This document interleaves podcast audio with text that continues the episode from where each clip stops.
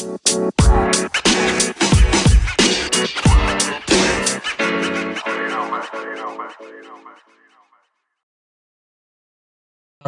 semuanya, episode kali ini merupakan rekaman dari paper discussion yang membahas topik mengenai Wave to Fact versi 2. Selamat mendengarkan. Uh, papernya itu ada empat seri ya sih ya. Yang pertama, yang ini, yang sekarang aku apa namanya, yang aku live stream ini, ini Wave to Fact uh, yang pertama, sesi pertama. Sesi pertama ini sekitar tahun berapa ya? 2019-an, 2020-an. Nah, terus uh, selanjutnya itu ada Vicky Wave to Fact. Nah, Vicky Wave to Fact ini pengembangan dari nah ini 2020 ini. 2020 oleh researchnya Facebook. Nah, baru yang sekarang terakhir ini adalah Wave to Fact 2.0. Oh sorry, bukan terakhir. Waktu 2.0. Nah, terus dari waktu Fact 2.0 ini ada namanya XLSR Unsupervised Cross Lingual Representation. Jadi kalau kalau apa namanya dari waktu fact ke satu terus sama terus yang kedua itu Vicky waktu fact terus yang ketiga ini adalah waktu fact 2.0 itu dia, uh, lebih untuk, uh, mengakomodir bahasa Inggris rata-rata, benchmark bahasa Inggris. Nah, baru yang paper yang keempat ini, ini dia, uh, digunakan untuk, uh, mengakomodir bahasa yang low resource atau bahasa non bahasa Inggris lah ya, kayak contoh misal Ya bahasa bahasa Indonesia lah contoh contoh jelasnya bahasa Indonesia kayak itu. Jadi, uh, waktu fake ini memang uh, kalau dibilang apa ya, kalau boleh aku me meringkas ya, kalau ditanya ada orang tanya, waktu fake itu apa sih ya?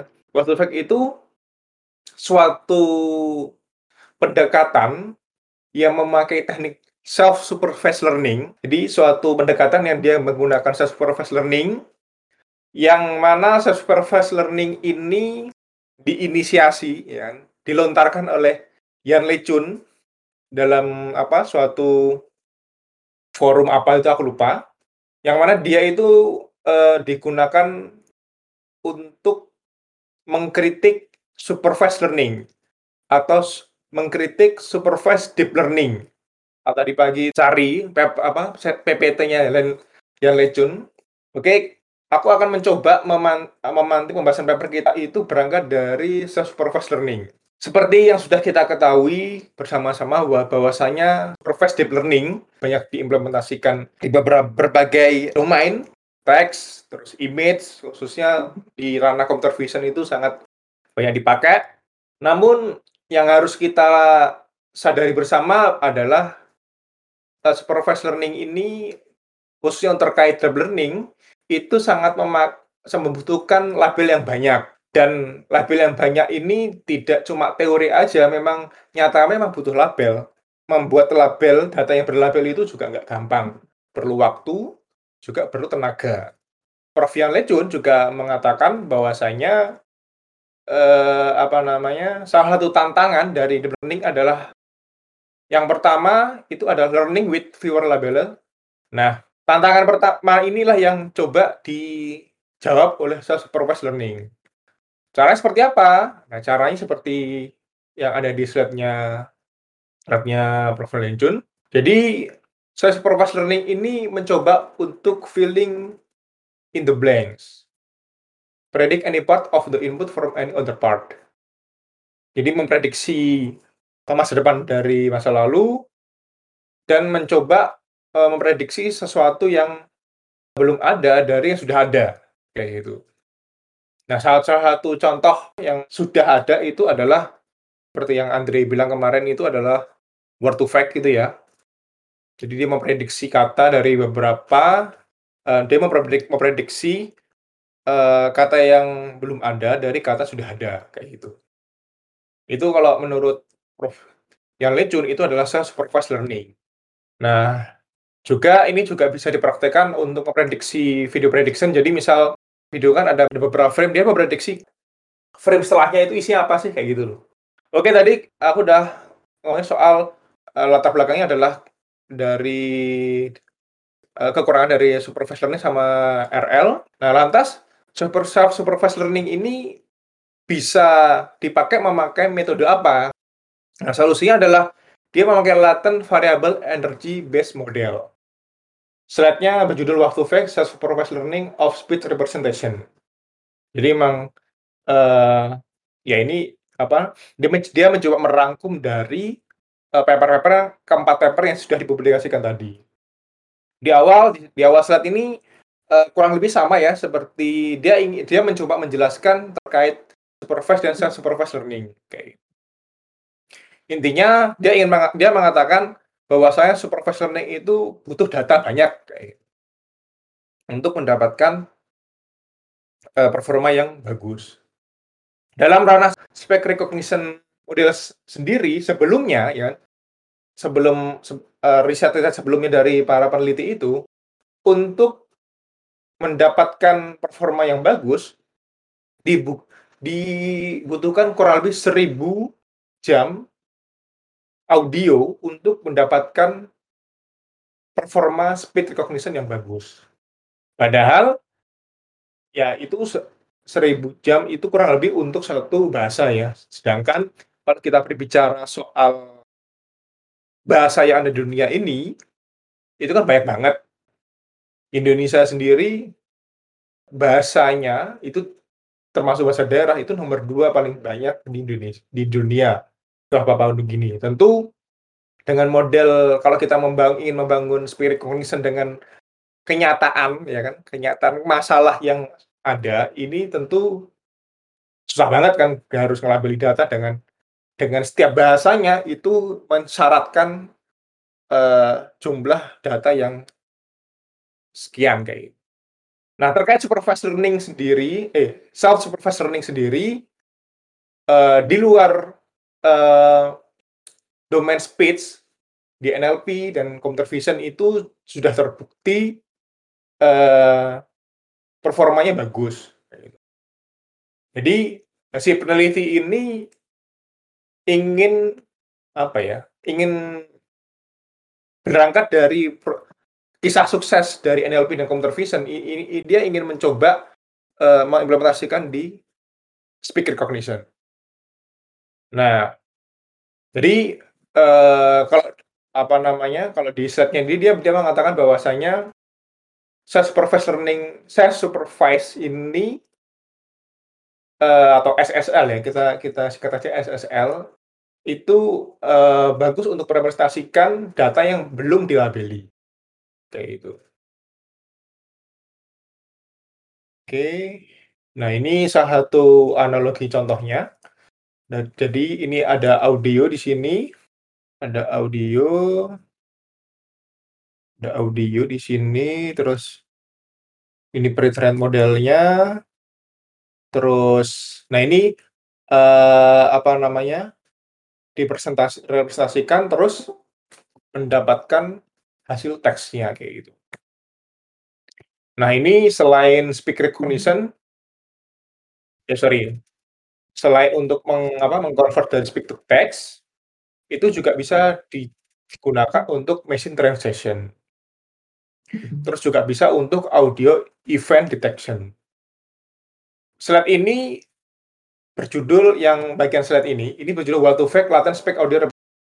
Nah, bagian ini dia ingin mencoba merangkum soal uh, paper yang pertama, yakni adalah soal to Fake yang pertamanya ini latent spec audio representation. Kurang lebih isinya itu to Fake itu menggunakan fully convolutional binary cross entropy loss dan uh, representasi untuk mengimprove tax ASR-nya. Jadi alurnya berangkat dari dia berangkat dari sini, terus diproses ke atas kayak gini. Nah, kalau nggak salah representasinya itu di sini. Jadi latent semantik itu uh, apa namanya bekerjanya di sini. dari waktu fake 1.0 ini, dia mengupgrade lagi arsitekturnya dengan mempublikasikan VK waktu fake atau vector quant quantize waktu fake. Oh sorry, ternyata implementasi discrete latent state representation itu baru di yang paper kedua ini, yang yang sebelumnya itu masih belum, masih dia memakai Fourier convolutional, binary convolution tropis sama apa namanya? Ya cuma itu aja. Kayak itu. Oke, nah baru yang kedua ini dia memakai apa yang disebut ini? Discrete latent speed representation kayak ini. Nah, di bagian sini kalau nggak salah. Lalu contextual representation on top of quantity speeds ya kan? terus juga dia memakai quantification Campbell and Cummins. Nah, yang menarik adalah di sini alur dari yang kedua ini, paper yang kedua ini, setelah dia dilakukan representasi dari data, dari data yang uh, belum dilabeli, dia juga menggun, meng, apa, meng, mengimplementasikan bird. Jadi dia dikombinasikan. Kalau nggak salah itu ada ada fine tune di sini. Jadi uh, taruhlah ini, taruhlah ini dari data yang belum terlabeli ya. Setelah itu, nah di sini dari data yang belum terlabeli kan dia membentuk representasi ya. Terus define itu memakai board. Nah, selanjutnya baru uh, di waktu 2.0 ini dia menyem dia menyempurnakan lagi ya kurang lebih hampir sama dengan yang sebelumnya. Nah, cuma ada yang namanya contrastive loss di sini. Jalur tetap sama di sini. Ini raw data labelnya Terus ini latent speed, latent speed representation-nya. Setelah itu di sini ada fine tune. Seperti itu. Nah, ini equation-nya, ya kan. Juga saya sendiri masih mempelajarinya. Ini detail dari waktu fact yang kedua. Jadi eh, apa di bagian sini dia melakukan teknik masking ya kan. Teknik masking ini juga masih saya pelajari juga. Dari detailnya dia cara kerjanya adalah sampling starting point for max repeat replacement dan expect to, to 10 step steps kayak gitu. Oke. Nah, ini hasil-hasilnya yang ada di paper. Ini bisa dilihat di apa namanya? di paper sendiri. Kalau dari saya yang bisa di kita lihat adalah uh, ternyata arsitektur Waftufek itu kalau uh, apa namanya, diterapkan pada low resource setup, ini uh, memiliki performa yang cukup bagus. Ya kan? Jadi meskipun dia datanya itu sedikit, hasilnya word error word error rate-nya atau where itu, itu performanya bisa bersaing lah, ya kan. Jadi tidak perlu memakai data yang sifatnya besar. Oke, lanjut aku lanjut dulu. Oke, nah nah terakhir publikasi terakhir dia itu adalah XLSR Cross Lingual Speed Representation Learning with What to Fact. Ini sama kayak tadi. Nah, bedanya apa dengan uh, apa paper yang kalau ini paper yang keempat ya dengan paper yang ketiga Uh, sederhananya begini, kalau saya bisa saya boleh memperilustrasikan itu gini. SL SR ini dia mencoba membuat representasi data dari bahasa yang banyak atau bahasa yang mayoritas untuk diimplementasikan ke bahasa yang resource-nya sedikit. Visinya kayak gitu. Jadi ini ibaratnya ya bahasa Inggris ya kan, bahasa Spanyol kan yang yang banyak kan itu ya. Nah, representasinya ini di sama masih sama dengan dia kayak latent space tadi. Nah, di bagian sini dari representasinya itu dia dia akan coba di fine tune menggunakan bahasa yang yang akan di bahasa yang sedikit tadi, bahasa yang resource-nya low tadi. Contoh kasusnya ada bahasa Indonesia atau bahasa Turki lah. Bahasa-bahasa Asia lah, kan itu jarang banget tuh yang anu. Nah, ini performanya dia menerapkan di dataset Common Voice. Ini dataset yang aku share di tweet kemarin, di dataset uh, milik Mozilla, uh, Firefox. Salah satunya ada bahasa Indonesia di situ. Nah, ini ini adalah bahasa yang yang disebut mayoritas tadi. Nah, ini di, dia digunakan untuk memprediksi bahasa yang yang low resource tadi. Nah, ini nanti linknya akan saya, saya share aja nanti teman-teman bisa uh, cek langsung. Dan ada YouTube-nya juga, jadi mungkin bisa uh, mendengarkan langsung dari penulisnya. Mungkin dia bisa menjelaskan lebih uh, bagus dari saya. Nah, hasilnya, nah ini kalau boleh anu ya, terkait resultnya dari teori-teori tadi. Ini notebook untuk implementasi SLSR. Ini ada di Google. Apa namanya, contohnya, kalau di transformer itu dia kasih example ini, uh, kurang lebih, uh, secara teorinya sama. Jadi dia, uh, diinstal dulu library-nya, terus juga dia ngeload datanya memakai data common voice dari ini kasusnya ini tar Turki ya. Nah, data common voice ini juga ada data bahasa Indonesia. Ya cuma satu giga doang sih emang. Tapi lumayan lah untuk awalan untuk belajar kayak gitu. Ini di apa, di apa, dipanggil terus di-split seperti biasa. Ya nanti langsung kalau teman-teman mau nyoba silakan langsung aja di collapse. Terus sambil rate-nya 16.000. Nah, ini sudah lengkap sampai cara prediknya, cara inference-nya. Nah, kalau uh, aku sendiri kemarin udah nyoba dan dengan framework atau metode LSR. Nah, ini aku coba terapkan di data bahasa Indonesia yang aku bikin sendiri dari API uh, Google. Jadi kemarin aku udah nyoba yang data untuk bahasa Indonesia, cuma hasilnya itu kurang begitu bagus karena ini ya common voice ini ya. Ini rata-rata cenderung kayak apa namanya? voice voice dialog film kayak gitu lah. Nah, sedangkan kalau kita mempredik ke data yang non for apa non formal ya, kayak misal data-data obrolan biasa yang ya data obrolan biasa itu cenderung jelek hasilnya.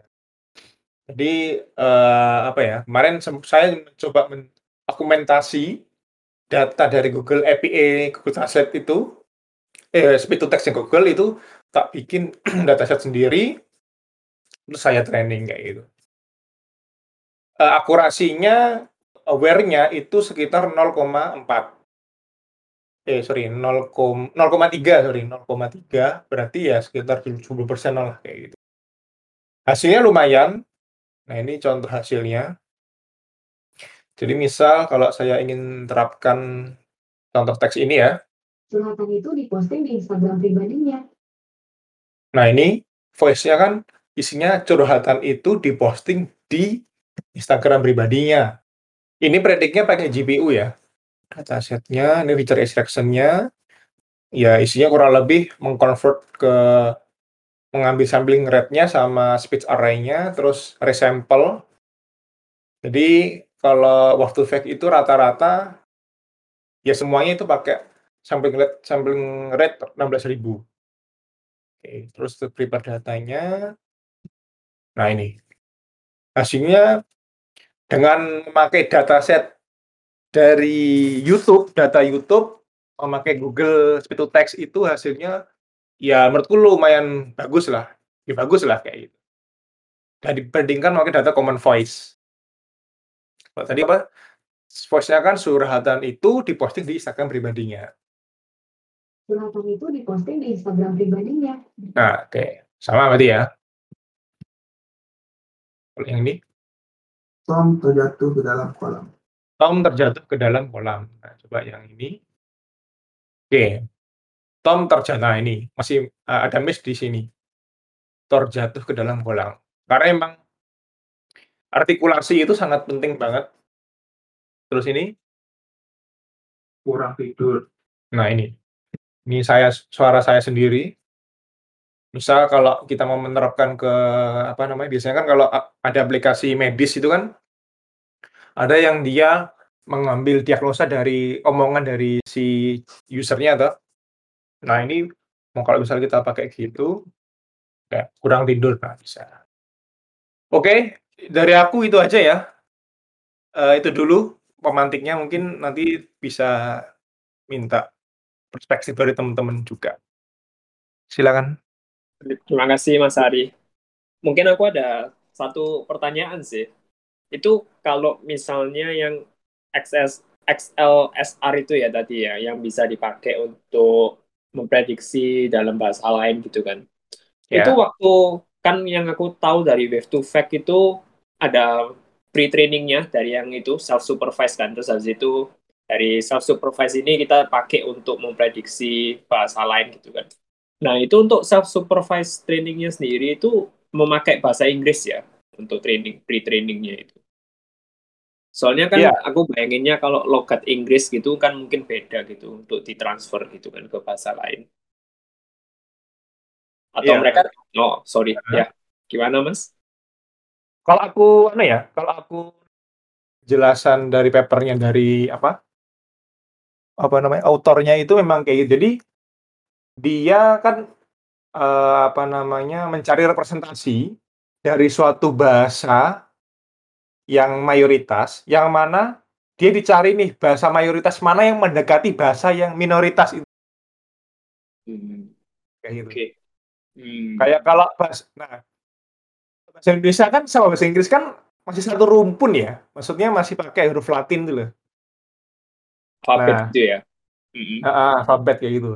Contoh misal bahasa Arab kayak itu, nah itu yang, uh, menurutku juga apa ya, aku masih berarti harus ada representasinya dalam bahasa yang yang bahasa yang dia apa istilahnya itu ya, nggak nggak Latin gitu loh.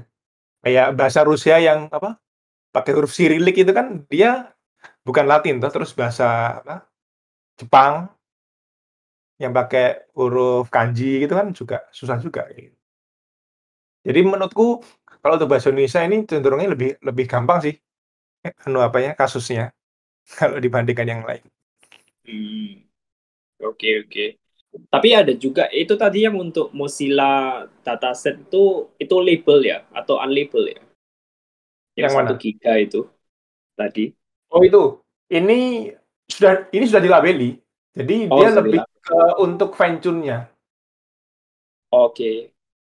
Karena nah ini, eh, apa namanya, representasi representasi datanya itu sudah ada di ini, pre-trained-nya ini. Oh. Jadi okay. di notebook ini dia cuma anu aja, apa namanya, eh, tujuannya untuk fine tune aja. Representasinya sudah di udah apa ya, udah di udah di apa, udah ada ada udah ada pre-trained modelnya lah gitu. Hmm, I see. Oke, menarik sih. Jadi itu yang yang ini pre-train modelnya ini udah dari di-train ke English terus ditransfer ke bahasa Turki ya untuk fine tuningnya gitu ya berarti. Ya. Uh. Menarik. Mungkin yang lain uh, ada yang ada pertanyaan atau poin diskusi terbuka untuk umum. Bisa langsung unmute aja. Mas Ande deh. Andre itu kalau, kalau salah dulu sempat anu riset iya. speed juga kan Andre ya? Iya, ya, ya. ya cuman dulu waktu fact tuh belum belum ada gitu waktu fact. Gimana menurut lu Mas Andre? Kayak papernya kayak ada uh, poin yang lu pelajarin atau apa? Gue gue belum baca lebih dalam sih uh, si self uh, supervised uh, learning ini. Uh, Menarik sih kalau yang buat uh, low resource karena kalau lihat uh, transnya di interspeech kayak 2019 2020 itu ada section sendiri buat low resource uh, speech recognitions. Menurut gue ini salah satu milestone atau breakthrough di speech uh, speech recognition field sih. Uh, dan wajar aja kayak dia bisa publish di NIPS kan. Point interesting yang uh, gua highlight uh, ini sih kayak dia dia uh, dasarnya pakai transformers kan, cuman di, ditambahin uh, convolution di atasnya. Uh, dan yang lebih menariknya tuh dia nggak pakai feature extraction uh, signal processing, itu dia raw signal kan. Raw signal maksudnya gimana mas? Raw, uh, raw signal, uh, raw signal kita recording uh, dot wav, ya kan Mas Ari? Oh maksudnya data inputnya itu wave Ya. signal ya? Iya kan Mas Ari? Iya. Oh, raw Iya signal. Gue gue Ya, ini bacanya kayak Ah, ah. Iya, itu dia inputnya raw signal kan. Eh, bisa coba Oh, ah. dijalanin nggak kayak dia ngelihatnya kayak gimana? Hmm. Ini ini. Ya. Nah, coba dia ngebacanya gimana? Oh, nggak nggak ketahuan juga deh. Di Kan- di di code-nya nggak ada. Apa nih? Di code eh, code-nya dia, notebook-nya dia ngebaca signalnya. Yang ini, yang yang proses ini. Iya, iya. Ya proses ini itu anu, udah kalau yang di notebook ini prosesnya tuh cuma sampai gini aja. Udah Hmm. udah proses sampai ini. Hmm. Yang prosesnya nggak ada breakdown breakdown function-nya gitu ya dia gimana ngelakuinnya. Detail function-nya gitu nggak ada. Oh, kalau di sini nggak ada. Hmm. I see. Soalnya eh, kalau dulu tuh eh, pakainya ada nama feature extra- extraction itu MFCC, Mel Mel Spectral Coefficient apa gitu, eh, yang ngebikin jadi dua dimensi. Gitu. Nah ini yang menariknya dia pakai raw signal sih. Iya, iya. Karena Jadi dia pakai. CNN ya. pakai CNN kan CNN dia bisa dia bisa Bit langsung proses tiga dimensi tuh kalau nggak salah. Kenapa? Iya, tiga dimensi ya. Eh? Hmm. Tapi yang wave signal ini udah sama time-nya kan?